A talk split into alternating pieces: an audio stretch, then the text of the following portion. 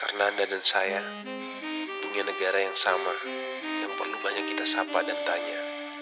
Selamat mendengarkan Tanya.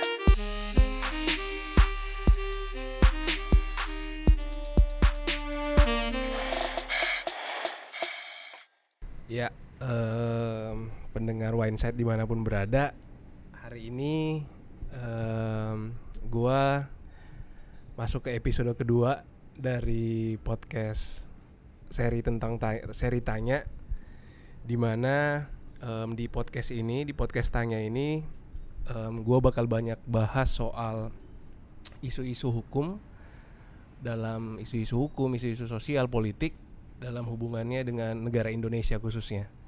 Nah, di episode kemarin, di episode sebelumnya itu, gua udah sempat membahas tentang negara Indonesia dalam konteks permasalahan yang sudah belakangan ini terjadi, eh, demo, kemudian pengesahan Undang-Undang KPK, RKUHP dan lain sebagainya.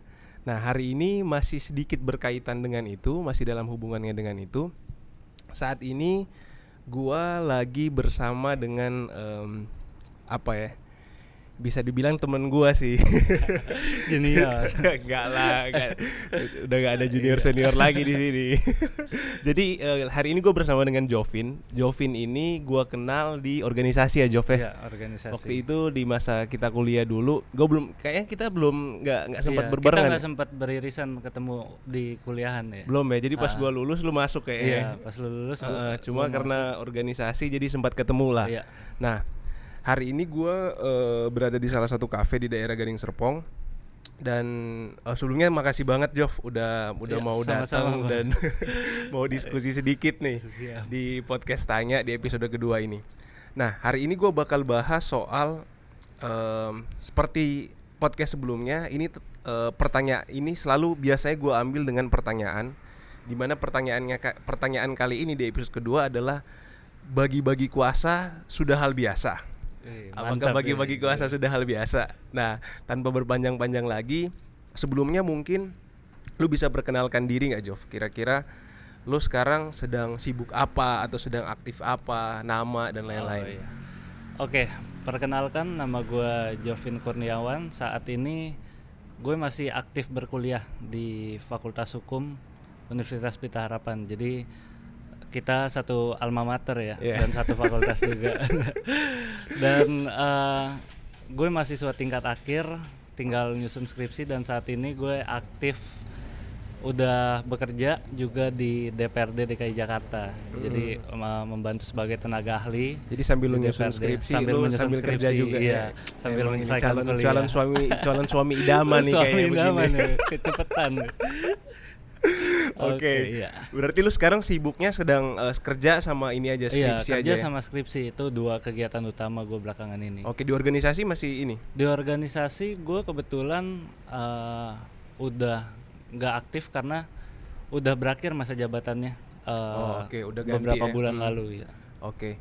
Nah, berarti sebenarnya gini, em, teman-teman yang mendengarkan di mana pun, em, gua eh, ngajak eh, Jovin di sini bukan dalam konteks dia em, organisatoris atau bukan dalam konteks lu em, apa eh, pekerja di DPR dan lain sebagainya. Jadi em, sebelum kita diskusi lebih lanjut karena is- ini juga isunya tentang politik dan lain sebagainya, eh, menurut gue perlu kita perjelas di sini bahwa ketika lu bicara saat ini atau ketika lu gue mengundang lu saat ini bukan dalam kapasitas lu sebagai orang eh, organisatoris atau bukan dalam kapasitas lu sebagai em, pekerja di DPR Ya. atau berkaitan dengan politik tapi pure sebagai seorang Jovin Kurniawan dan gua sebagai warga negara Indonesia. sebagai warga ya. negara Indonesia dan lu punya pendapat soal itu karena seperti yang eh, selalu gue bilang di Wineset bahwa gue mau menunjukkan bahwa setiap orang siapa pun itu dengan background apa pun itu punya pendapat menarik tentang politik Ya. salah satunya tentang politik tentang hukum di Indonesia Oke. jadi kita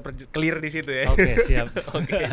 Jadi eh, apa? Gua pun mungkin eh, nggak perlu teman-teman pasti mungkin tahu lah backgroundnya Jovin mungkin dia berada di partai apa dan lain sebagainya. gue juga pun tahu tapi gue mau coba melu- melepaskan itu biar pembicaraan kita pure antara gua dan seorang Jovin Kurniawan. Oke, siap. Nah, Jov ini gua tertarik eh, dengan episode ini. Kenapa gua beri judul bagi-bagi kuasa? Apakah sudah hal biasa? Karena gua melihat beberapa hari terakhir ini kan publik Indonesia itu dipertontonkan kutip, Dipertontonkan, ya. dipertontonkan soal pembagian kekuasaan. Iya. Contoh misalkan dari MPR di mana itu bagi gue itu dimulai dari pelantikan atau perubahan tatip peraturan tentang eh, pimpinan MPR yang sebelumnya jumlahnya lima ya kalau gue nggak salah. Iya, lima. akhirnya sekarang menjadi 10. Sepuluh. Dalam sejarah Indonesia setahu gue nggak pernah. Iya, iya. Setahu gue ya. Ah, iya. Lu bisa koreksi gue kalau Ah, pernah. Iya, nggak pernah. Nggak Eh, pernah kan? Pimpinan MPR yang terdiri dari ketua sama beberapa wakil ketua itu nggak pernah sampai 10 sih seingat gue. Iya juga. kan? Nah, Iya. ini ini ini ini bagi gua awal. Hmm. Awal kok bisa nih 10 pimpinan. Nah, sebelumnya itu diawali juga, gue baru ingat, sebelumnya itu diawali juga dengan pertemuan antara Prabowo dan Jokowi. Iya. Kemudian orang mulai melihat bahwa oh berarti ini mereka mulai gabung nih koalisi Iya, dan iya. lain sebagainya. Gue nggak eh, gua nggak bakal lebih lanjut lagi ke ke isu yang lain. Di titik itu, Jov, lu melihat ketika pertemuan itu yang akhirnya berbuah kepada akhirnya berubah 10 pimpinan MPR, pendapat lu apa? Iya, kalau menurut gue itu hal yang eh, kita kita nggak kaget lagi lah terkait dengan kinerja DPR ini. Gue melihat sebagai warga negara ya seperti yang tadi kita omongin ya. DPR ini sangat rajin buat undang-undang atau melakukan apa pun itu yang terkait dengan kekuasaan mereka gitu. Bisa kita lihat track recordnya Undang-Undang MD3 yang tadi kita bicarain itu. Undang-Undang MD3 kan mengatur nih struktur pimpinan MPR siapa, pimpinan DPR siapa, dipilihnya dari mana. Ada yang berdasarkan musyawarah, ada berdasar yang terakhir pimpinan DPR itu berdasarkan suara terbanyak dan itu setiap lima tahun pasti berubah sesuai dengan konfigurasi politik gitu.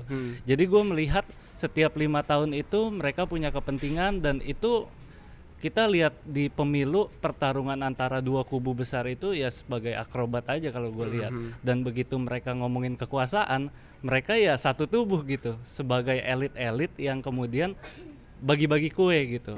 Kekuasaan ini dibagi ke siapa kekuasaan ini dibagi ke siapa. Ya kalau kita bilang tentang pimpinan MPR pimpinan MPR itu dengan jumlah 10 eh, kursi satu ketua dan sembilan Ya. wakil ketua itu otomatis semua partai kebagian kan Heeh. Eh, posisi pimpinan MPR Berarti itu. lu menduga ini, Iya. in- berarti lu menduga bahwa ini agar supaya semua, kebagian. Iya, ini biar semua kebagian dan menurut gua kalau misalkan spekulasi gue sebagai warga negara yang lihat ya, ini adalah barter dari eh, pimpinan DPR yang diberikan kepada PD Perjuangan sebagai pemilik suara terbanyak gitu. Jadi kan sebelumnya eh, pimpinan DPR ini ketuanya dipilih secara voting kan berdasarkan musyawarah mufakat dan kemudian voting. Makanya tahun lalu yang dapat itu Golkar yang waktu itu tergabung dalam Karena dia koalisi berubah Prabowo. menjadi paket kan Nah, sistemnya berubah bukan, menjadi bukan paket. otomatis yang paling yang paling Iya. banyak. Nah, pertanyaan gue gini, Jov. Sorry gue potong.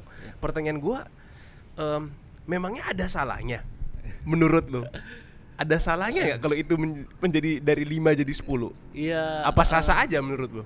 menurut gua secara struktur ya maksudnya secara fungsi MPR MPR itu nggak butuh 10 pimpinan gitu apa yang mereka lakukan juga Tapi kan kita- ada ada ada orang bilang bukannya lebih baik kalau kita lebih banyak kan lebih bagus. Iya. Kalau kita kalau kita bersatu kan kayak ibarat kayak lu tau lah istilah Iya, orang iya. dulu kalau ada rotan kalau digabung-gabung susah dipatahin Iya, Ini kan jadi banyak. Iya. Nah, ini dan gimana? eh, kalau menurut gua justru itu yang berbahaya dalam parlemen ya Hmm. karena parlemen itu kan terdiri dari partai-partai nih yang dipercayakan eh, diberikan mandat oleh Hmm. masyarakat dan mereka tuh memiliki garis yang berbeda-beda misalkan Iya. ada yang berbasiskan religius ada yang berbasis mengedepankan nasionalisme Hmm. gitu dan mereka tuh seharusnya di DPR di parlemen itu bukan menjadi satu menjadi uh, sebuah rumpun yang kemudian membagi-bagi kekuasaan namun mereka memperjuangkan konstituennya masing-masing gitu dan mereka bisa saja berbeda pendapat dan justru itu uh, sesuatu yang lazim dan emang harus dilakukan. Justru ketika mereka kemudian akomodatif artinya berbagi-bagi kekuasaan itu Iya. yang berbahaya. Karena artinya suara masyarakat itu sudah nggak dibawa sama mereka karena mereka udah puas semua. Dapat pimpinan jatahnya sama jatahnya ini ke ini jatahnya ini ke ini gitu. Nah, iya, iya gue iya paham paham. Nah, maksud gua- eh, tapi ada omongan gini nih, selintingan ngomongan gini nih, Jov. Ah, kalian terlalu berpikiran negatif aja.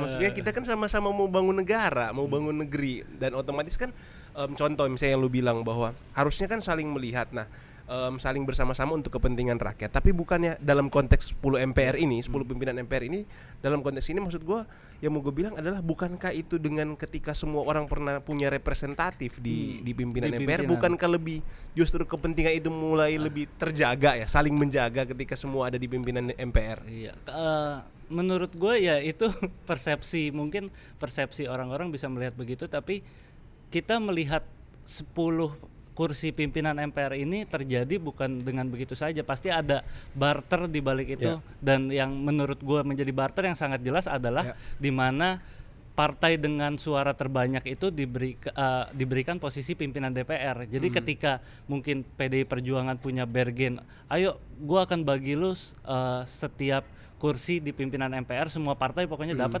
tapi lu bakal kasih gua Hmm. Ya. pimpinan DPR dengan karena gue suara terbanyak gitu. Jadi Hmm, kita nggak usah bertarung lagi tentang pimpinan DPR pasti gue dapat, tapi kita sama-sama eh, setuju nih sepakat lo semua dapat kursi MPR gitu. Jadi itu menurut gue yang berbahaya ketika partai-partai di parlemen itu mulai akomodatif satu sama lain dan akhirnya mereka cuma sibuk bagi-bagi kekuasaan. Artinya mereka cep- gerak cepat kalau misalkan mereka merevisi tentang uh, tata tertib mereka tentang UMD 3 tapi begitu mereka uh, diserahkan disodorkan pekerjaan lain yang harus mereka selesaikan itu mereka kerjanya nggak secepat yang mereka lakukan di UMD 3 ini. Pertanyaan gua selanjutnya ini, Jov. Eh, menurut lu ini kan PDI ini partai pemenang nih. Hmm.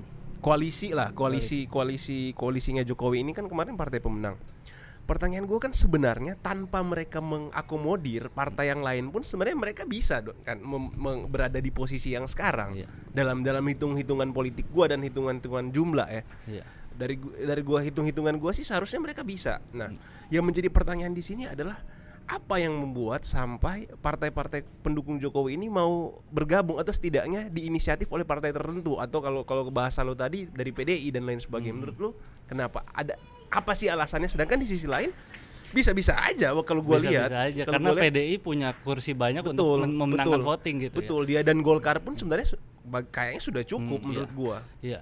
Kalau menurut gue, gue lihat eh, PDI ini ingin punya kepastian. Jadi mereka mengunci nih dari Hmm. eh, dari peraturannya ini dan mereka eh, nggak mau bertarung lagi seperti tahun 2014 karena Hmm. mereka punya eh, pengalaman pahit ya kalau gue bilang sebagai partai pemenang di tahun 2014 Hmm.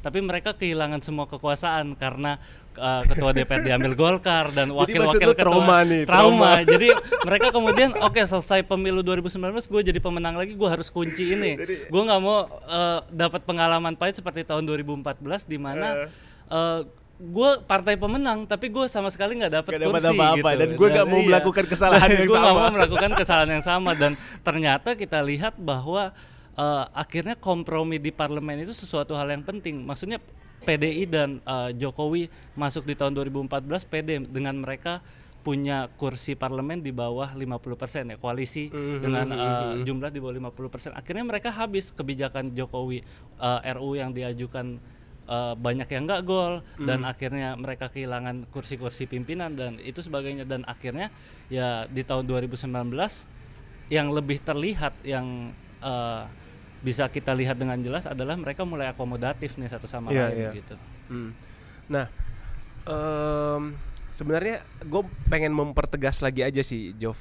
Kira-kira em, berarti menurut lu itu tetap hal yang keliru untuk bersifat kalau bahasa lu akomodatif yang Iya. tadi. Eh, bersifat akomodatif di parlemen menurut gue sebagai warga negara itu hal yang keliru karena Jadi gue pertegas lagi, Iya. sorry nih. Menurut lu itu hal yang keliru. keliru Hmm. karena eh, ak- pada akhirnya saat mereka kemudian akomodatif membagi-bagikan Hmm, kursi itu gitu partai pemenang ingin dapat apa dan memberikan apa ke partai yang Hmm. lain akhirnya nggak ada eh, ketegangan dalam tanda kutip ketegangan yang baik antar partai-partai itu untuk memperjuangkan suara-suara konstituennya gitu Oke. Em, ada yang menarik, Jov, yang gua lihat dari susunan 10 pimpinan MPR ini. Mm-mm. Gua gua nggak belum bicara ketuanya nih ya. Iya. Gua lihat dari em, pembagiannya aja. Ada yang menarik adalah dari 10 itu hanya satu perwakilan DPD. nah iya, iya. Padahal seperti kita tahu bersama DPD itu kan kalau di di Amerika contohnya itu kan seperti senator. Iya, seperti- Gua nggak bakal ngomongin soal kewenangan dia seperti apa dan yang kita udah tahu bersama, terutama mungkin anak hukum mungkin udah tahu bersama. Pertanyaan gua adalah, oke lah kalau memang rasionalisasinya adalah, oh si DPR lebih banyak dan lain sebagainya, tapi kan nggak satu juga. Iya, iya, betul. Kalaupun lu mau pakai rasio Iya, itu nggak ah. mungkin masa. 9 sama satu. Iya. Nah, menurut lu kenapa? Atau menurut lu lu melihat itu gimana? Justru itu yang pada akhirnya mempertegas pandangan gue sebelumnya bahwa ini adalah permainan partai politik yang mencoba akomodatif satu Menurut sama lain. ini mengkonfirmasi iya, itu? itu mengkonfirmasi ini karena ya DPD nggak punya kuasa selain kita tadi ngomongin eh, kita nggak ngomongin sih tentang kewenangan yang sangat-sangat lemah. Uh, Mereka juga nggak punya bargaining power untuk ikut-ikutan kan Eh, ngomongin undang-undang MD 3 Iya. yang notabene adalah mengatur nih tentang komposisi pimpinan MPR dan DPR dan DPD gitu. Mereka nggak punya kuasa di situ. Akhirnya mereka ya cuma sebagai anak bawang yang akhirnya saat Nah, ini menarik di Iya. bahasa lu, anak Iya, bawang. Jadi anak bawang karena karena mereka yang diatur di situ tapi bahkan mereka nggak bisa berpartisipasi dalam pengaturan itu dan akhirnya ya ini semua jadi makanan partai politik yang membagi-bagi kekuasaan. Bahkan ya benar yang kata lu eh, yang lu bilang bahwa rasionalisasinya saat anggota DPD ini 130 sekian, Heeh. anggota DPR ser- eh, 570 sekian gitu, dan itu satu banding lima. Tapi begitu kita ngomongin kursi pimpinan MPR kok satu banding 10 gitu ya kan. Jadi eh, ini yang menurut gua eh, semakin menunjukkan bahwa partai-partai politik di Indonesia ini semakin akomodatif satu sama lain dan itu yang menurut gua berbahaya bagi demokrasi kita gitu. Dan dan kembali gua pertegas pernyataan lu bahwa sebenarnya fenomena dan fakta ini fakta susunan 10 MPR ini di mana hanya ada satu DPD mengkonfirmasi itu ya. Iya, mengkonfirmasi itu bahwa ini bukan tujuannya untuk eh, ya bisa kita bilang eh, Hmm. kemaslahatan masyarakat Iya. atau memperkuat fungsi MPR Iya. atau eh, mengefisiensikan kerja dan sebagainya. Ini cuma perkara pembagian kekuasaan Iya. gitu. Karena kalau misalkan mereka ingin punya sistem kerja yang misalkan lebih efisien gitu, mereka akan secara eh, MPR ini akan dibuat susunan komposisinya efisien juga gitu. Nggak kebanyakan pimpinan 10 10 pimpinan dan kita nggak tahu bahkan selama lima tahun periode kemarin menjabat lima pimpinan MPR ini ngapain aja yang kita Iya. kita tahu kan kerja MPR itu amandemen undang-undang dasar, sosialisasi empat pilar dan kenapa sampai butuh 10 pimpinan MPR untuk melakukan tugas-tugas seperti itu gitu. Jadi itu yang mengkonfirmasi sih menurut Oke, gue. oke, gue udah tangkap sih Iya. poin lu bahwa em, itu sebenarnya semakin mempertegas hipotesa lu atau dugaan lu, tesis lu awal, tesis lu awal bahwa ini em, pure politik akomodasi dari partai politik aja yang bersifat akomodatif dan lain sebagainya. Nah, sekarang gua masuk ke tadi kita bi- berbicara soal struktur di MPR, kemudian eh, bagaimana DPD hanya dapat satu dari 10 yang eh, akhirnya sisanya 9 disikat oleh MPR semua dan partai. Iya. Otomatis unsur partai. Sekarang gua berbicara soal orang atau posisi yang berada di ketua. Iya. Dari ketua DPD Lanyala. Iya. Ketua DPR eh, Puan Maharani. Iya. Em, eh, apa? Em, ketua DPR perempuan pertama Iya. dan ketua MPR Bamsud. Sen, lu melihat itu gimana? Kita ngomongin mungkin dari ketua DPR ya. Ketua DPR kalau menurut gue ya, kalau menurut gue sebagai orang yang ya sering memperhatikan politik itu Puan Maharani itu pantas aja mendapatkan Hmm, kursi ketua DPR karena selain kita udah punya landasan kesepakatan bahwa partai pemenang ini yang dapat kursi. Ya. dan Puan ini seperti yang kita tahu boleh dicek suaranya banyak banget. Empat ratus ribu kalau nggak salah di 400.000 pemilu sekian, dua- ya. iya di pemilu 2019 ini. Dan suara dia paling banyak. Entah kita nggak ngomongin cara mendapatkan suaranya kayak gimana. Entah dengan popularitas nempel ke eh, Megawati dan Soekarno dan Tapi yang sebagainya jelas yang tercatat di KPU Iya, adalah yang 400 ribu tercatat sekian. Puan adalah pemilik suara terbanyak Hmm. dari calon-calon DPR RI yang lain dan menurut gua dia pantas-pantas saja untuk mendapatkan kursi DPR ini. Ya kita belum omongin Tapi menurut ya, lu ada yang lebih pantas nggak? menurut gua Bingung kan lu? Iya. gue bingung juga karena eh, Relatif ya. Iya, ya relatif itu dan menurut gua udah garis tangan sih kalau buat. iya.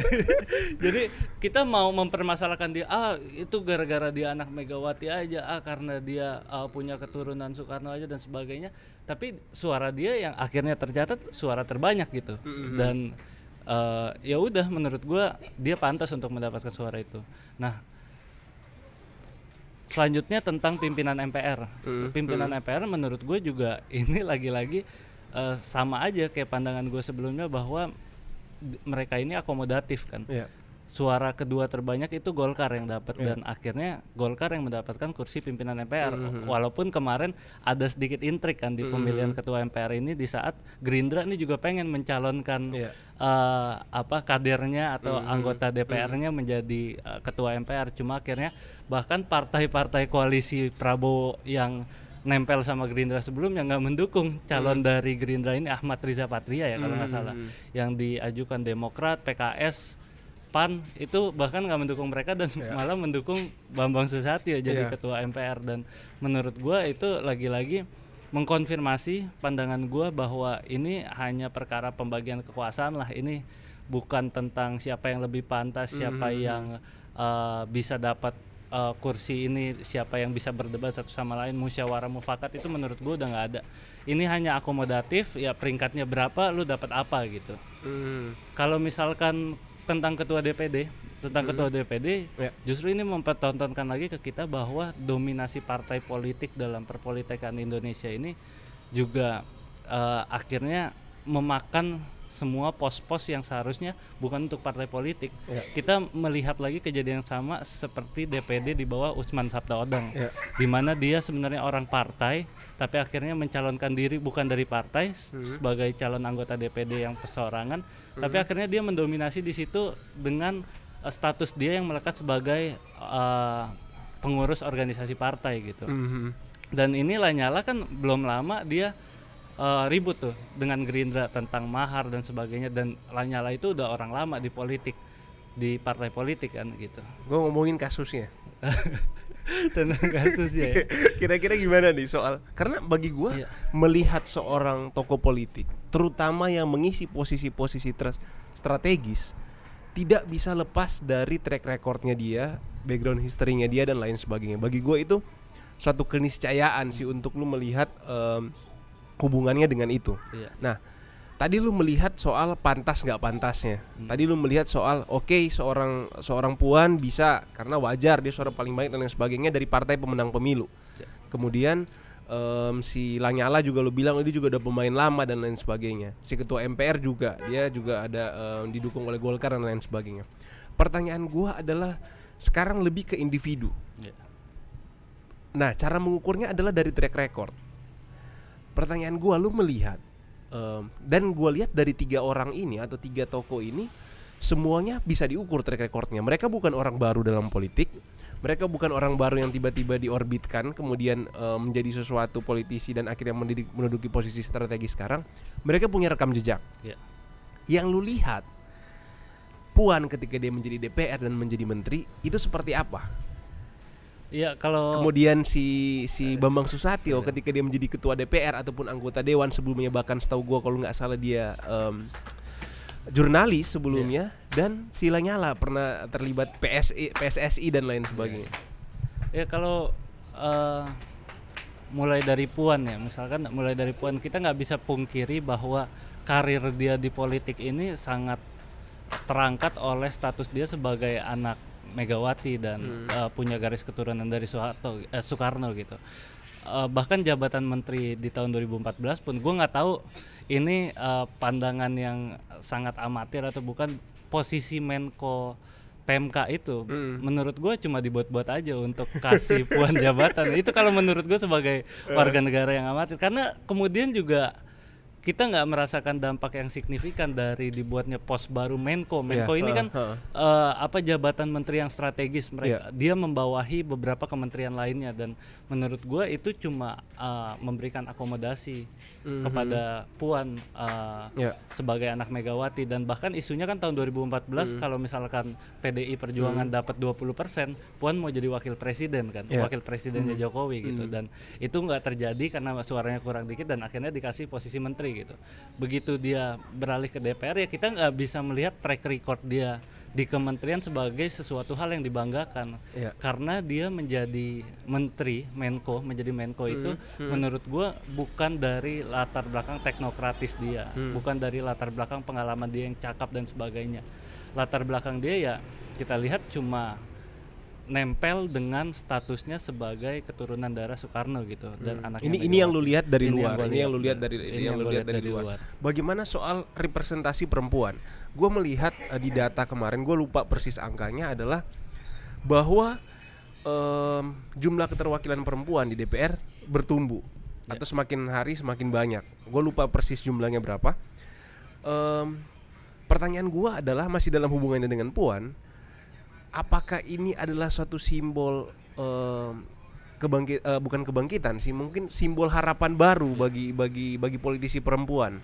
Ya, menurut gua eh, kalau gue pribadi berpandangan, gua nggak melihat eh, maksudnya pre- persentase perempuan yang naik itu sebagai sesuatu eh, misalkan kita kita lihat oh per- eh, perempuan nih mulai masuk ke dalam politik perempuan mulai ber- eh, bertingkat kapasitasnya sehingga dia bisa menduduki jabatan-jabatan penting. Gue melihat eh, perempuan dan laki-laki itu eh, sama saja dan Oke. sejauh mereka mendapatkan kesempatan terbuka yang sama untuk berlomba atau berkompetisi mendapatkan jabatan tertentu itu eh, udah cukup gitu. Sela- eh, kita nggak perlu ngomongin representasi perempuan harus segini, representasi perempuan harus segini. Yang perlu kita omongin adalah apakah perempuan dan laki-laki mendapatkan kesempatan yang sama untuk berkompetisi nih, untuk berlomba-lomba mendapatkan jabatan penting gitu oke masalah kita melihat representasi perempuan kemudian lebih banyak di DPR tahun ini yaitu mungkin suatu simbol harapan yang baik bagi kemudian kita bisa Demokrasi melihat Indonesia. inklusivitas gitu Ya. inklusivitas dari demokrasi Indonesia di mana oh ternyata perempuan dan laki-laki eh, itu punya kesempatan yang sama Ya, loh ya, ini ya. buktinya eh, nggak nggak mutlak laki-laki banyak banget dan perempuan sangat sedikit gitu dari tahun ke tahun dan ini jumlahnya ya naik turun dinamis gitu karena saat itu dinamis dan udah nggak ada polanya misalkan laki-laki oke kemudian mendominasi lebih banyak itu artinya kita udah bilang bahwa ada inklusivitas di demokrasi Indonesia gitu. Oke. Bambang Susatyo. Nah, kalau Bambang Susatyo ini menurut gue ini politisi murni gitu, politisi murni yang eh, licin menurut gue, licin kayak kayak belut dia aja. ini ini menarik di bahasa licin ini menarik nih. Karena Bambang Susatyo ini kalau misalkan gue sering baca-baca berita atau tent- talk show gitu ya, Iya, iya, Bambang Susatyo ini dikenal sebagai politisi yang nggak punya musuh gitu di parlemen. Bahkan dari partai-partai oposisi istilahnya dia disenangi semua orang gitu. Dan ya sebagai politisi ya menurut gua itu salah satu kemampuan yang eh, cukup eh, istimewa gitu untuk dimiliki seorang politisi. Karena kita bisa lihat track record dia waktu dia kemudian mendapatkan kursi jabatan ketua DPR ya Iya. waktu itu. Ada calon kuat Ade Komarudin ya waktu itu kalau nggak salah yang di- ga- eh, dicalonkan untuk menggantikan Setia Novanto. Tapi akhirnya Bamsud yang Ada Aziz iya, a- ada Aziz juga dan kemudian Bamsud yang nggak terlalu banyak bermanuver atau sebagainya dia tiba-tiba dapat kursi pimpinan DPR dan itu ditenggarai ya kalau gue misalkan melihat atau membaca eh, berbagai artikel dan eh, diskusi gitu. Bamsud ini adalah orang yang sangat cair, orang yang sangat eh, bisa berteman dengan siapa aja dan menurut gua itu kemampuan yang istimewa yang dimiliki oleh Bamsud sehingga dia bisa menduduki nih pos-pos penting. Bahkan dia menjadi ancaman yang berarti ya bagi Erlangga untuk menduduki Golkar satu kemarin itu. Nah, menurut lu ada hubungannya dengan itu? nah ini yang menarik ada sih yang ada sih yang bilang bahwa Bamsud ini akhirnya dikasih kursi ketua MPR ya mungkin lo sempat dengar juga Bamsud ini dikasih kursi ketua MPR agar dia mereda gitu dalam- agar iya. agar Golkar satu tetap iya, tetap agar Erlangga Golkar satu gitu. tetap Erlangga ya. Gua nggak tahu ini lagi-lagi yang menurut gua kita sebagai warga negara kalau kita melihat sebagai sudut pandang warga negara biasa, ini adalah permainan yang tidak dapat dijangkau oleh warga negara warga negara dan itu biasa sah-sah gitu. aja. Itu Iya. ini kan eh, politik dan itu Iya. internal partai dan Ini- dan dan gue nggak bakal bahas itu lebih jauh lagi karena gue nggak mau pembicaraan kita jadi kayak gosip politik. gue mau bicara gosip politik tapi poin yang gue dapat dari lu bahwa ya dia secara rekam jejak tadi Puan lu udah ngomong kemudian si Bamsud lu udah ngomong juga bahwa dia itu dalam tanda kutip itu seorang politisi yang licin dan lain sebagainya diterima oleh berbagai pihak terbukti dari rekam jejaknya dia yang bukan nggak terlalu bermanuver terlihat seperti itu tapi akhirnya dia yang menjadi ketua DPR dan lain sebagainya Em, Lanyala Lanyala. Nah, Lanyala ini pernah punya kasus eh, korupsi. Gue gue lupa waktu itu eh, dia udah punya putusan pengadilan atau belum ya? Pokoknya kalau gue nggak salah itu udah sempat diperiksa beberapa kali oh, deh, diperiksa gua nggak beberapa salah ya. kali, cuma belum punya Uh-huh. inkrah sebagai. setahu gua ya Iya, setahu gua iya. gua, gua Ah, juga iya. nggak nggak nggak Ya, nggak pokoknya nggak riset lebih dalam yang soal kita pastikan adalah dia pernah tersandung kasus, kasus hukum dan ya. PSSI apalagi yang PSSI, terakhir ya. kan Ah, iya iya. Ya kalau menurut gue ini ada hubungannya dengan ya resiko kita sebagai negara demokrasi yang one man one vote ya di mana Mm-mm. kemudian rekam jejak itu eh, dibenturkan juga dengan yang namanya hak asasi manusia. Iya. Dulu gue pernah meneliti tentang eh, putusan MK yang akhirnya Mm. nggak melarang nih ca- eh, Iya. mantan-mantan terpidana korupsi untuk mencalonkan diri di pemilihan legislatif Mhm. karena eh, kita dengan prinsip demokrasi kita kita punya hak asasi manusia yang memberikan setiap orang kesempatan yang sama dan saat dia sudah menjalaki, menjalankan masa hukumannya dia menjadi orang yang sama lagi dengan Ya. masyarakat gitu. Dan ini menurut gue resiko yang harus kita terima saat seseorang yang sebenarnya track recordnya kita bisa bilang wah jelek nih dia cuma kebetulan beruntung aja nggak diputus bersalah dan sebagainya gitu. tapi pasti ada korupnya karena dia dipanggil berkali-kali gitu. Ya. tapi orang-orang seperti ini tetap aja lolos gitu duduk di bangku parlemen. Kita bisa lihat lah bukan cuma di pusat tapi di daerah-daerah itu banyak banget. Wali kota bupati yang terpilih padahal dia pernah korupsi. Ya. anggota-anggota DPRD yang terpilih karena dia korupsi. Ini adalah konsekuensi yang kemudian harus kita terima bahwa yang eh, menentukan orang duduk di jabatan tertentu Balik itu lagi ke bukan- masyarakat. Iya, bukan eh, track recordnya tapi pilihan masyarakat gitu. dan mungkin bisa dibilang juga adalah kita harus menghormati asas praduga nggak bersalah Iya betul, apalagi untuk seseorang yang misalkan kita, eh, maksudnya kita sama-sama ingatnya ini Lanyala ini belum punya putusan pengadilan yang menyatakan dia bersalah. jangan kan belum punya yang punya putusan Iya, aja yang masih punya tetap aja dipilih boleh. iya, yang punya aja boleh dan bisa terpilih lagi gitu. Dan itu adalah konsekuensi yang menurut gua mungkin kadang kita bilang ah ngomongin hak asasi manusia orang yang korupsi korupsi itu juga nggak menghargai hak asasi manusia. Cuma. Ya. kemudian saat orang udah menjalani ganjaran yang dia terima karena perbuatan Ya. dia, dia kembali ke masyarakat. Hmm. Makanya namanya pemasyarakatan. Dia kembali ke masyarakat dan mempunyai hak, termasuk hak politik yang sama untuk dipilih gitu. mau siapa pun itu termasuk Lanyala ya Iya, termasuk Lanyala dan itu realita demokrasi kita sih Oke. yang Hmm. eh, menurut gua ini bukan jadi kita udah nggak heran lagi melihat seorang yang tersandung kasus korupsi bahkan yang udah diputus itu menduduki lagi jabatan balik lagi kalau gue lihat pribadi kalau gue boleh menambahkan di sini balik lagi sebenarnya ya nggak tahu lah mungkin pendengar eh, Wineset atau di mana pun yang mendengarkan podcast ini berpendapat lain tapi kalau gue pribadi juga sepakat sih Jov karena mau siapa pun dia di media yang terbentuk. Mau seberapa banyak pun rekam rekam jejak rekam digitalnya dia sudah ada di berbagai media online dan lain sebagainya ya tetap itu yang dipilih oleh masyarakat. Iya, itu yang dipilih oleh masyarakat. Dan itu yang em, yang utusan gue nggak tahu dia dapil mana waktu DPD dan itulah pilihan mereka. Dan Iya. bagi gua sih kita harus menghormati itu. Cuma mungkin perlu menjadi catatan Iya, perlu menjadi catatan untuk pendidikan politik dan pertumbuhan demokrasi Indonesia sih Iya. berarti ada celah di mana pendidikan politik kita belum bisa menjangkau masyarakat masyarakat masyarakat yang ternyata masih milih nih orang-orang yang udah punya track record buruk padahal untuk menduduki jabatan di pemerintahan itu kan amanat jadi kepercayaan dan integritas itu adalah salah sa- hal yang Oke. sangat terutama gitu. Oke.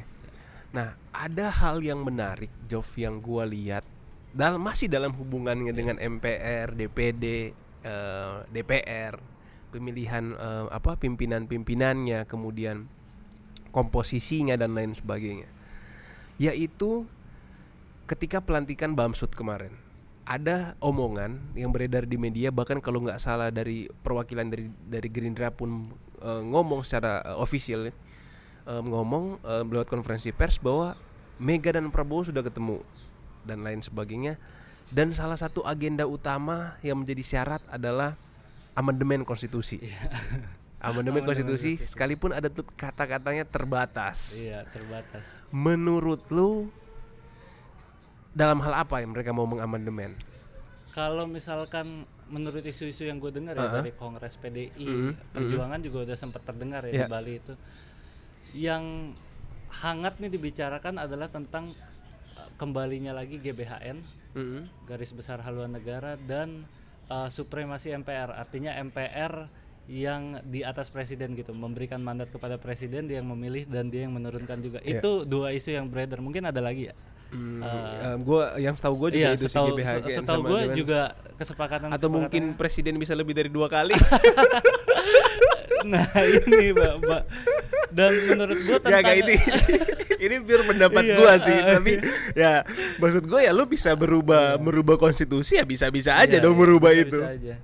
Iya menurut gue apalagi dengan kata-kata terbatas ini ya Uh-uh. ini menurut gue sangat-sangat tricky gitu Heeh. karena eh, Batasannya sampai mana iya, gitu? eh, saat keran itu akan dibuka kan eh, amandemen itu kan pembahasan disetujui oleh misalkan beberapa anggota MPR gitu dengan quorum mereka setuju untuk mengamandemen eh, konstitusi gitu. Iya. dan begitu masuk ke pembahasan masa mereka tidak tergoda gitu untuk untuk mengganti pasal-pasal lainnya yang kemudian meng- eh, menguntungkan mereka. Apalagi kita gue bisa bilang ini budaya dari mereka adalah mencoba akomodatif satu sama lain dan melihat kepentingan yang jangka pendek itu. Setiap lima tahun diganti UMD 3 dan sebagainya. Bukan tidak mungkin konstitusi kita juga diperlakukan sama seperti itu gitu. Karena mereka akan berkutat dan eh, berkompromi seputar dengan kekuasaan gitu. Hmm. Menurut lo em, kalau seandainya betul ini terjadi ada ada amandemen, ada urgensinya nggak amandemen konstitusi? Menurut gua apalagi ya gua ke- gua tambahin kata apalagi terkait dengan dua poin itu sama sekali nggak ada urgensinya.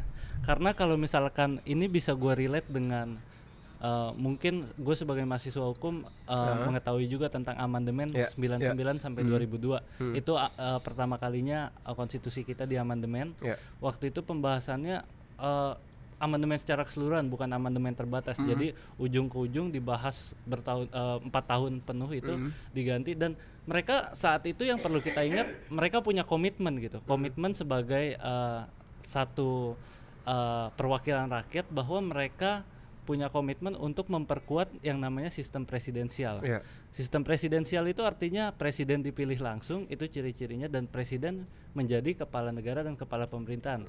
Dia nggak bisa oke. diimpeach oleh MPR kecuali tentang pelanggaran hukum, korupsi dan pengkhianatan terhadap Ya. negara gitu. Dan posisinya MPR legislatif dan presiden ini sama gitu. Dan begitu mereka melontarkan wacana untuk bikin MPR kembali jadi lembaga tertinggi negara itu arti- artinya menurut gue langkah mundur gitu. Ya. Apalagi keberadaan GBHN ini sebenarnya juga terkait kan dengan Mm-hmm. supremasi MPR ini. Dulu GBHN ada karena MPR kasih mandat ke presiden dan ini GBHN dokumen yang harus lu laksanain ini garis-garis besar Mm-hmm. haluan yang menjadi garis besar haluan kebijakan presiden gitu. Jadi dua hal ini terkait yang ingin mendudukan lagi MPR sebagai uh, lembaga tertinggi dan menurut gue ini langkah mundur dari komitmen mereka untuk memperkuat sistem Berarti presidensial. em, lu pribadi pun nggak setuju dengan agenda amandemen konstitusi?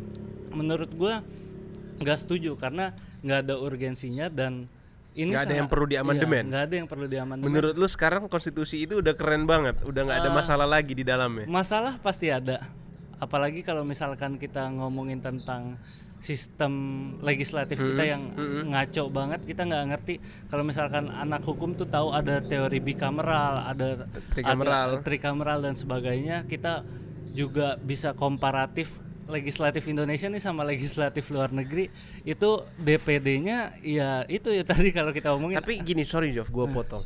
Tapi kan seharusnya em, bukankah em, apa ya? Bukan berarti kita meng menggampangkan dalam tanda kutip konstitusi, tapi kan bukankah hukum yang baik, konstitusi yang baik itu adalah konstitusi yang hidup. iya Eh, bahasanya living constitution kalau gue nggak salah ya. Iya, iya, gue inget-inget dikit zaman-zaman kuliah dulu harusnya menyesuaikan dengan kebutuhan masyarakat, Iya. harusnya menyesuaikan dengan kebutuhan hukum saat ini. Dan di sisi lain, bukankah juga seharusnya kita tidak boleh alergi dalam tanda kutip terhadap suatu perubahan. Iya, Nah, yang dicu- yang dipertontonkan saat ini adalah bukankah justru suatu perkembangan yang baik ketika Iya. ada inisiasi dari Untuk memperbaiki ya, memperbaiki. memperbaiki ah, apa- gimana lu iya. menyikapi itu? Iya, kalau menurut gua emang secara teori itu benar, tapi gue sebagai warga negara bisa bilang masyarakat tuh nggak ngerti amandemen konstitusi dan nggak ngerti apa yang di otak-atik nih sama anggota-anggota MPR, DPR kita ini. Jadi menurut gua Tapi kan Iya. ada wakilnya yang mengerti, yang diasumsikan mengerti kan dia duduk di dalam. Da- tapi eh, menurut gua saat mereka melontarkan dua poin itu GBHN dan MPR sebagai lembaga yang supreme, mereka sedang eh, mencoba untuk otak-atik ini posisi mereka sebagai elit-elit gitu. Ini kecurigaan Iya, lu. Ini kecurigaan gua dan bukan untuk kebutuhan masyarakat. Kalau misalkan kita butuh eh, kita bicara tentang kebutuhan masyarakat, mereka akan mengedepankan misalkan pasal-pasal tentang eh, eh, fakir miskin di peliharaan negara. Kita melihat implementasinya dan bagaimana kita bisa. Berarti bisa gua bilang nggak kalau pembahasannya sampai ke arah situ lu setuju?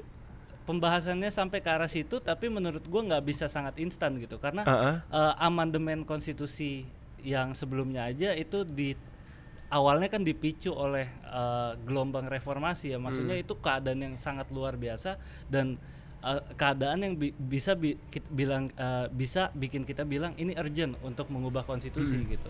Tapi saat sekarang keadaannya tenang-tenang aja dan mereka ngomonginnya kekuasaan terus itu menurut gue belum ada urgensi di sana. Dan Ya.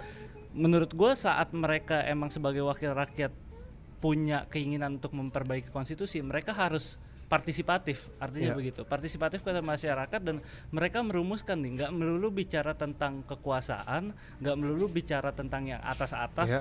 kekuasaan lembaga negara tapi mereka bicara juga tentang masyarakat gitu Ya. mereka kembali ke masyarakat mereka menghimpun aspirasi dan pertanyaan gue sekarang GBHN dan pengembalian MPR sebagai lembaga tertinggi ini aspirasinya siapa gitu Apa- apakah mereka punya bukti bahwa ini adalah aspirasi masyarakat yang pengen oh MPR ini sebagai lembaga Tapi kan tertinggi gitu. em, ketika dalam konsensus politik, ketika lu dipilih em, dalam teori politik, gue nggak bakal ngomongin teori politik lah, teori ketenagaan dan sebagainya. Tapi kan representatif mereka sudah duduk di DPR, sudah duduk di MPR. Otomatis kan suara rakyat sudah terwakilkan oleh wakil-wakil rakyatnya ini.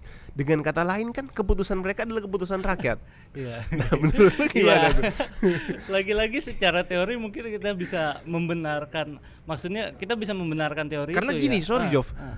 Kalau misalnya apa-apa kita harus balik ke masyarakat, apa-apa kita harus tanya ke masyarakat, terus ngapain gua ada perwakilan di DPR? Iya, secara secara teori ini Pak pembicaraan yang menarik ya. Tapi menurut gua kita melihat konteks Indonesia di mana demokrasi kita belum benar-benar dewasa. Tadi contohnya kalau misalkan kita flashback omongan kita aja masih banyak orang-orang yang bermasalah secara track record gitu duduk lagi. Dan itu fakta Dan bisa dilihat rekam jejak dan gitu. sebagainya. Itu Hmm. fakta pertama bahwa uh, demokrasi kita belum benar-benar dewasa dan menghasilkan wakil-wakil rakyat terbaik gitu. Hmm. Dan yang kedua, wakil-wakil rakyat ini walaupun mendapatkan mandat dalam pemilu, tapi mereka ini adalah orang-orang yang orang-orang biasa gitu yang bisa uh, korup gitu. Korup bukan artian dalam mengambil uang dan sebagainya. Hmm. Tapi kan belum tentu juga orang baik yang nggak kepilih itu nggak akan melakukan hal yang sama. Mereka belum dikasih kesempatannya aja. Nah, makanya menurut gua itu pentingnya partisipatif.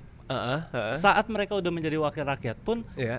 aspirasi masyarakat itu harus menjadi acuan utama Ya, juga uh, saat mereka itu jadi nggak saat mereka lima tahun sekali dipilih lalu mereka menang lalu selesai gitu justru itu poin yang kita bicarakan tadi yang mengembalikan uh, kesimpulan bahwa partisipasi masyarakat itu penting dalam Ya. setiap langkah yang mereka ambil karena eh, begitu kita mikir bahwa saat mereka dipilih lalu semuanya selesai, Mhm. itu artinya kita udah nggak mengawasi mengawasi mereka sebagai pembawa amanat kita gitu. Oke. Balik lagi ke ini, Jov. Gue tertarik amandemen itu yang tadi sempat gue sentil. Presiden lebih dari dua periode. Menurut lu ini bisa sampai ke arah situ nggak? Menurut gua dengan eh, konteks politik yang ada sekarang ya, itu bukan hal yang nggak mungkin gitu. Berarti bisa-bisa aja. Bisa-bisa aja. Kita melihat begini semuanya eh, tentang kepentingan ya dan kepentingan-kepentingan ini bukan kepentingan masyarakat lagi ta- tapi tentang kepentingan partai politik gitu. Bisa kita lihat bahwa yang tadi pembicaraan kita mereka rajin saat membicarakan tentang konfigurasi kepemimpinan nih di parlemen ini dan semuanya kepentingan partai. Sekarang partai yang berkuasa adalah PDI Perjuangan dan mereka punya presiden yang luar biasa hebat elektabilitasnya gitu Heeh. bisa terpilih dua kali dan kayaknya ini adalah figur yang disukai nih oleh masyarakat Iya. Indonesia. Wacana itu bisa aja muncul kalau Selama nggak ada penolakan dari Iya, masyarakat selama gitu. ya. nggak ada penolakan dari mas.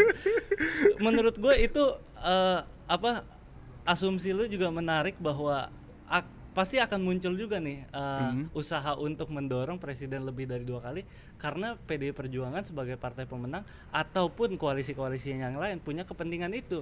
Mereka ya daripada susah-susah nyari calon lain mending calonin Jokowi lagi aja. Gampang menangnya lawan Prabowo dua kali menang gitu dan eh, Lu pribadi setuju nggak?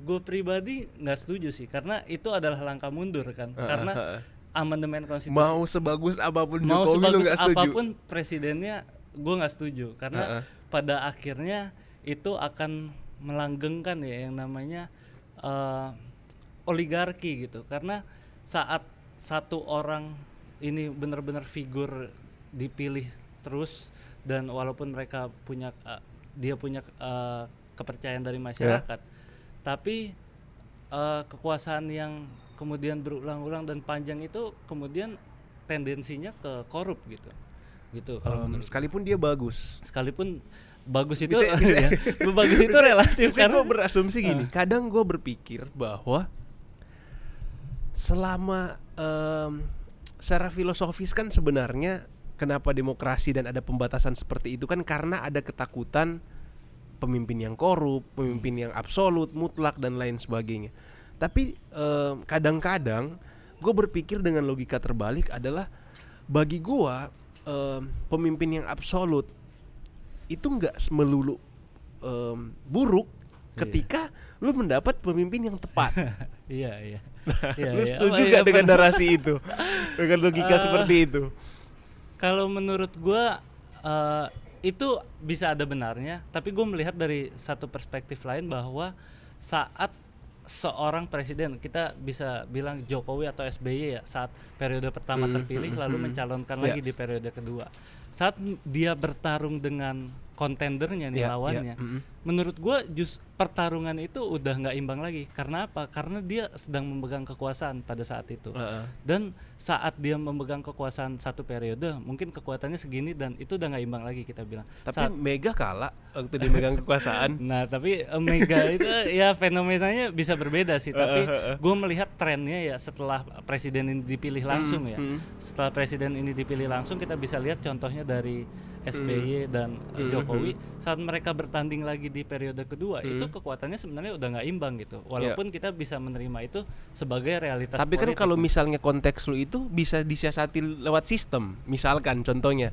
oke ketika lu di masa pemilu tiga bulan awal Ah. lu harus em, ada cuti dan lain sebagainya, nggak punya fasilitas negara dan lain Iya, sebagainya. iya. Sistem itu menurut gua eh, yang membatasi udah ada sekarang dan menurut gua ya itu pasti dilakukan tapi secara entah secara apa ya, secara psikologis, secara mental dan secara eh, kekuatan dia.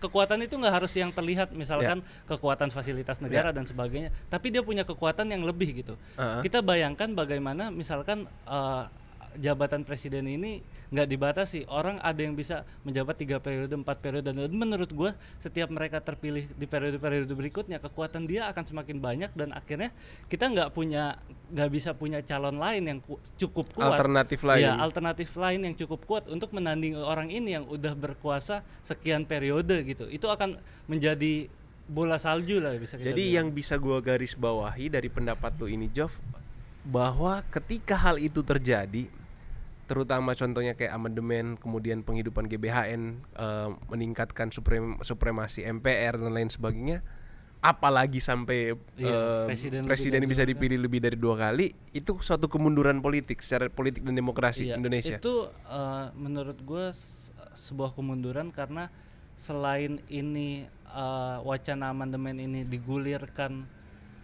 eh, bukan dari maksudnya nggak ada konteks yang mendorong itu ya seperti Mm, kita lihat mm, 98 reformasi urgensi nggak ada urgensi yang mendorong itu Mm. bukan urgensi grassroots atau masyarakat yang Ya. mendorong itu ini terkesan cuma sebagai kepentingan atau siasat untuk lima tahun ke depan gitu Ya. dan konstitusi kita kan uh, konstitusi itu hukum tertinggi kan dan saat lo otak atik itu akhirnya tatanan hukum akan banyak yang berdampak juga gitu jadi Ya. menurut gue konstitusi itu nggak bisa diubah asal-asalan dan dengan cuma wacana oh gue udah bagi-bagi kekuasaan di sini oh gue udah megang ketua MPR nih dan Iya. kemudian oke kita deal untuk amandemen konstitusi nggak bisa segampang itu gitu harus ada konteks kuat yang Iya. mendorong sebuah amandemen konstitusi gitu Oke, gue udah udah dapat sih poin lu.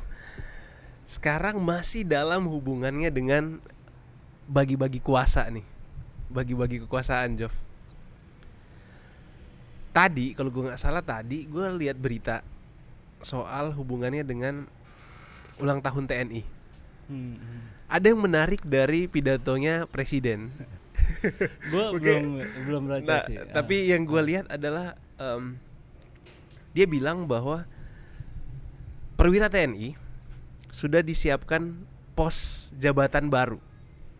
Sekitar 750 pos jabatan baru untuk perwira TNI. Iya. Lo melihat Iya. ini gimana? Iya, iya. Eh, Ini, ini, dalam hubungannya dengan dui fungsi em, dui fungsi Iya, dan dui lain sebagainya fungsi. dan terutama dalam soal pers- eh, kayak judul podcast kita hari ini bagi-bagi kekuasaan. Iya, kalau menurut gue hubungan masyarakat kekuasaan sipil ya kita bi- bukan bilang masyarakat sipil tapi kekuasaan sipil dengan militer ini juga eh, lama-lama apa ya awalnya itu mungkin mereka sama-sama tergoda nih untuk Mm-mm. eh, kemudian mendekatkan diri satu sama lain misalkan presiden mengakomodasi Iya. atau misalkan menaikkan tunjangan dan sebagainya itu mereka tertarik untuk eh, mengakomodasi kepentingan-kepentingan militer. Tapi kemudian hubungan ini yang kemudian men- menjerumuskan gitu. Hmm. apalagi saat kita udah lihat keterlibatan militer nih banyak banget di pos-pos Hmm, hmm. bahkan kementerian. Oh, walaupun mereka mantan militer ya purnawirawan. Cuma menurut gua ini yang kemudian akan mengembalikan nuansa bahwa eh, kekuasaan sipil ini akan mencoba akomodatif dan berkompromi lagi Hmm, hmm, dengan yang namanya militer demi mendapatkan keuntungan lainnya yaitu misalkan kekuatan politik Hmm. atau kekuatan fisik bisa Berarti lu bilang gitu. bahwa ada hubungannya politik sama militer. hubungannya sangat kuat justru menurut gua Bisa karena- lu bi- iya logika lu kenapa tuh Iya, bisa ada karena, hubungannya? Karena menurut gua TNI yang di bawah eksekutif itu hubungannya kan kemudian begitu erat kan. Mereka eh, presiden itu membawahi eh, Iya. yang namanya TNI dan Panglima kepolisian. tertinggi. Panglima tertinggi dari TNI juga dan itu kemudian yang menurut gua eh, TNI ini saat seseorang menjadi presiden bisa menjadi kekuatan tersendiri bagi Isu yang gua dengar. Jov, Heeh. bahwa gua nggak tahu. gua nggak tahu ini benar atau enggak adalah ini bagian dari politiknya Jokowi. Karena dia bukan seorang ketua partai. Ini kan oh, Jokowi ini fenomena menarik karena dia bukan seorang pimpinan partai dan lain sebagainya. Akhirnya dia mengambil ruang atau mengambil hati dalam tanda kutip em, pimpinan-pimpinan Iya. militer. Iya. Lu sepakat nggak dengan isu yang berkembang itu? gua sepakat dengan eh, cara Jokowi itu atau sepakat dengan eh, isu bahwa oh, ini cara Jokowi berpolitik ketika dia nggak bisa memiliki partai iya. bukan berarti gua bilang dia memiliki uh, militer Iya, tapi dia mengerti cara mentreat Iya. atau memperlakukan dan militer Iya. Em, mem- memposisikan militer dalam percaturan politik Indonesia. Lu setuju nggak dengan itu? Dengan tesis Eh, itu? Kalau menurut gue itu eh, sesuatu hal yang sangat mungkin terjadi ya, karena Hmm. menurut lu konteks Jokowi yang nggak punya kekuatan partai Iya. dan dia sekarang memegang jabatan presiden justru ini yang kembali lagi ke omongan kita ini yang kekuatan-kekuatan yang akhirnya tidak terlihat saat seorang presiden menjabat ya saat pre- seorang presiden menjabat dan begitu punya kekuasaan yang begitu Iya, besar iya. termasuk kekuasaan di atas militer ini. dan kemudian bukan nggak mungkin ada hubungan-hubungan atau Iya. eh, siasat-siasat seperti itu yang dilakukan oleh figur presiden ini. Dan itu yang menurut gue kan juga eh, terjadi saat orde baru saat eh, presiden menggunakan ornamen-ornamen militer ini untuk kekuatan politik dia gitu Iya. entah untuk kekuatan secara fisik atau secara psikologis gitu Iya. iya kan dan ini yang gue bilang bahwa bahwa militer dan politik itu berkaitan erat karena ada hubungan-hubungan gelap itu gue bisa bilang itu hubungan gelap yang kita nggak bisa lihat tapi ini sangat menjerumuskan dan berbahaya gitu Menurut lu itu sah-sah aja? menurut gua itu eh susah juga sih untuk ngomongnya karena di, di konteks seperti ini. Tapi menurut gua kita nggak bisa kembali ke zaman di mana eh, militer ini jadi kekuatan politik Iya. bagi penguasa gitu. Kita nggak bisa kembali ke zaman itu. Bahwa realitanya terjadi hubungan-hubungan gelap yang seperti tadi kita bicarakan itu eh, menurut gua hal yang nggak bisa dihindari. Tapi ketika ini ini menurut gua menjerumuskan. Gue selalu ngomong ini menjerumuskan karena kenapa? Karena awalnya sedikit sedikit sedikit lalu kita akhirnya terjerumus gitu dengan hubungan Lu, sipil lu mau dan- mencoba mem- ngomong bahwa sebaiknya Jokowi ambil partai, iya ambil gua- posisi pimpinan partai, begitu ya? Iya, karena menurut gua hubungan dengan militer dibandingkan dia berusaha untuk eh, apa mati-matian mendapatkan posisi sebagai ketua partai itu yang dikorbankan di eh, yang dikorbankan lebih besar itu eh, masyarakat Indonesia adalah saat dia mencoba-coba hubungan dengan militer itu daripada dia mencoba oh untuk demi dia terpilih lagi atau dia punya kekuasaan ke depannya dia menjadi ketua partai gitu. Menurut gue ini sangat beresiko saat Jokowi mencoba punya hubungan gelap itu walaupun ini masih asumsi ya kita ya. masih nggak bisa bilang ini terkonfirmasi Jokowi mau ambil hati militer dan sebagainya gitu. Menarik, menarik sih. ya, ini pertanyaan-pertanyaan yang tidak terduga bener. tadi tadi belum sempat gua baru gua baru kepikiran Iya. tadi sih Jov dan ini gua ada satu lagi pertanyaan yang gua baru kepikiran Jov mungkin menjelang akhir dari podcast kita yang menarik adalah keluarganya Jokowi. Ada yang eh, pasti mungkin lo udah pernah dengar yang udah mau nyalon di Surakarta. Eh, eh, kemudian si anak mantunya yang di Medan kalau gua nggak salah. Menurut lu ini em, natur kah? Natur politik? Atau seperti apa? Iya, iya, apalagi kan iya. yang menarik sebenarnya ini nggak nggak terlalu menarik. Karena itu sering terjadi dan eh, lah kita udah sering lihat lah em, bagaimana eh seringlah dipertontonkan bagaimana kepala-kepala daerah kemudian hubungannya dengan keluarganya dan lain sebagainya mengisi jabatan-jabatan politik juga itu udah sering banget lah kita lihat dan sesimpel kita men-search di Google melihat di toko eh di Tokopedia lagi di Wikipedia em, bisa kita lihat lah eh, riset sederhana itu hubungan eh, politisi dan keluarga pasti sangat berkaitan erat. Yang menarik adalah karena Jokowi membranding diri seolah-olah bukan seolah-olah dan itu yang memang terlihat anaknya itu tidak ada hubungannya dengan politik, urusnya bisnis, UMKM dan lain sebagainya. Kan itu Iya, kalau iya, gua dan iya, gue bisa menunjukkan sekian banyak eh, apa rekam jejak digital, video, wawancara dan lain sebagainya. Menurut lu kenapa ini terjadi? Sebenarnya bagus kata-kata lu yang pertama bahwa ini adalah natur. Menurut gue ini adalah natur gitu. Mau tidak mau pasti dengan privilege yang seorang penguasa punya, orang nomor satu di negara ini, Heeh. pasti itu mau dia bilang pencitraannya bahwa anak-anaknya ini tidak terlibat dalam politik atau sebagainya, tapi pasti ada ruang-ruang yang kemudian oh keluarganya ini juga tergoda untuk memanfaatkan itu. Ya. dan ini bisa kita tarik ke pembicaraan kita sebelum ini bahwa ini Jokowi baru berkuasa satu periode baru mau selesai. Apalagi dia berkuasa periode periode di atas dua periode gitu.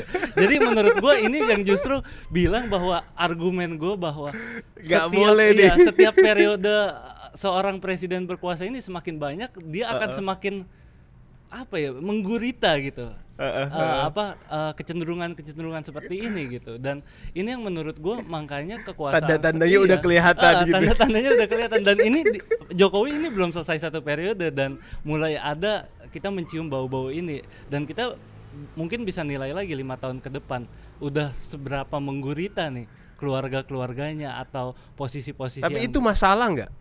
Karena gue sering berpikiran seperti ini, Jov. Gue termasuk orang yang nggak terlalu setuju dengan penolakan em, plek-plekan, Iya. maksudnya yang yang nggak jelas nggak ada dasar terhadap politik dinasti. Hmm. Bagi gue seperti ini, ketika kemudian keturunannya yang kebetulan adalah keturunan biologis itu em, punya kemampuan untuk berpolitik, Hmm. punya em, Iya. punya apa? Punya magnet terhadap masyarakat, Iya. sah-sah aja dong, nggak ada masalah dong. Tapi yang perlu kita ingat bahwa keturunan-keturunannya ini eh, sebenarnya secara langsung atau tidak langsung terdampak juga dengan atasnya ini yang lagi berkuasa gitu. Uh-uh, Dan uh-uh. itu yang menurut gue jika seorang penguasa ini dibiarkan untuk berkuasa berkali-kali, ini yang akhirnya membuat mereka semakin kuat dan nggak membuka jalur kesempatan bagi orang-orang lain yang Hmm, Ya. ingin berpartisipasi juga dalam Ya. politik. Mm. Karena kan prinsipnya demokrasi adalah inklusivitas, keterbukaan bahwa setiap orang ini punya kesempatan yang sama. Ya. Saat lu membiarkan gurita-gurita ini ya walaupun nggak selalu salah dinasti itu Ya. nggak selalu salah kalau menurut lu gue sepakat itu nggak selalu salah, tapi ketika mereka semakin kuat akan semakin banyak orang-orang yang tersingkirkan bahkan mungkin orang-orang terbaik yang tersingkirkan karena mereka nggak punya privilege itu gitu gitu Kalau Oke, gue dapat si poin lo. Nah, kita udah nggak berterasa nih, udah sejam, udah sejam ngomongin soal bagi-bagi kuasa. Emang ngomongin bagi-bagi kuasa ini nggak ada habis-habis ya kayaknya. Oke, nah ini terakhir Jov, Eh, apa? Di seperti di podcast gue di awal, Ya. di podcast gue di, di episode pertama dan sekarang di episode kedua, gue mengawalinya dengan pertanyaan. Ya. Sekarang gue mau mengakhirinya dengan pertanyaan, tapi dengan plus jawaban dari lu. Oke, oke. Oke. Pertanyaan gua sekali lagi persis seperti judul podcast gua adalah bagi-bagi kuasa sudah hal biasa. Jawaban lu apa? biasa ya itu jawaban gue Sudah hal biasa ya, berarti itu. dan iya dari pembicaraan kita dari awal sampai akhir ini ya mungkin lu juga berkesimpulan bahwa bagi-bagi kuasa ini udah sesuatu Jadi masyarakat gak usah heran, gak Oh, usah, iya. gak usah, gak usah. nggak usah heran Bagi ba- berarti dalam politik itu bagi-bagi kuasa adalah keniscayaan. Ya. eh, bukan bukan keniscayaan dalam artinya secara ideal ya politik secara ideal gitu gue nggak bilang ini natur tapi kita melihat realita politik di Indonesia bahwa kita bilang bagi-bagi kuasa itu biasa atau enggak ya itu biasa gitu dengan Oke. realita politik yang seperti ini gitu Oke. Mungkin em, nggak eh, nggak usah kita perpanjang Iya, lagi pembicaraan ini jadi panjang lagi. ini udah udah malam banget. Oke, thank you banget Jov udah udah mau datang, udah Sama-sama, mau Bang. sharing, udah mau diskusi. Semoga em, podcast kita pada hari ini pada episode ini bisa memberikan insight, bisa memberikan masukan em, terhadap em, perpolitikan, hukum, fenomena yang ada di masyarakat saat ini di negara. Dan semoga siapa pun yang mendengarkan kita pada pada hari ini atau pada saat ini em, mendapatkan sesuatu lah Ya. dari diskusi kita saat ini. Dan itu aja. Dan gua Richard. Oke gue Jovin Kurniawan. Ya sampai ketemu di episode tanya selanjutnya. Sampai jumpa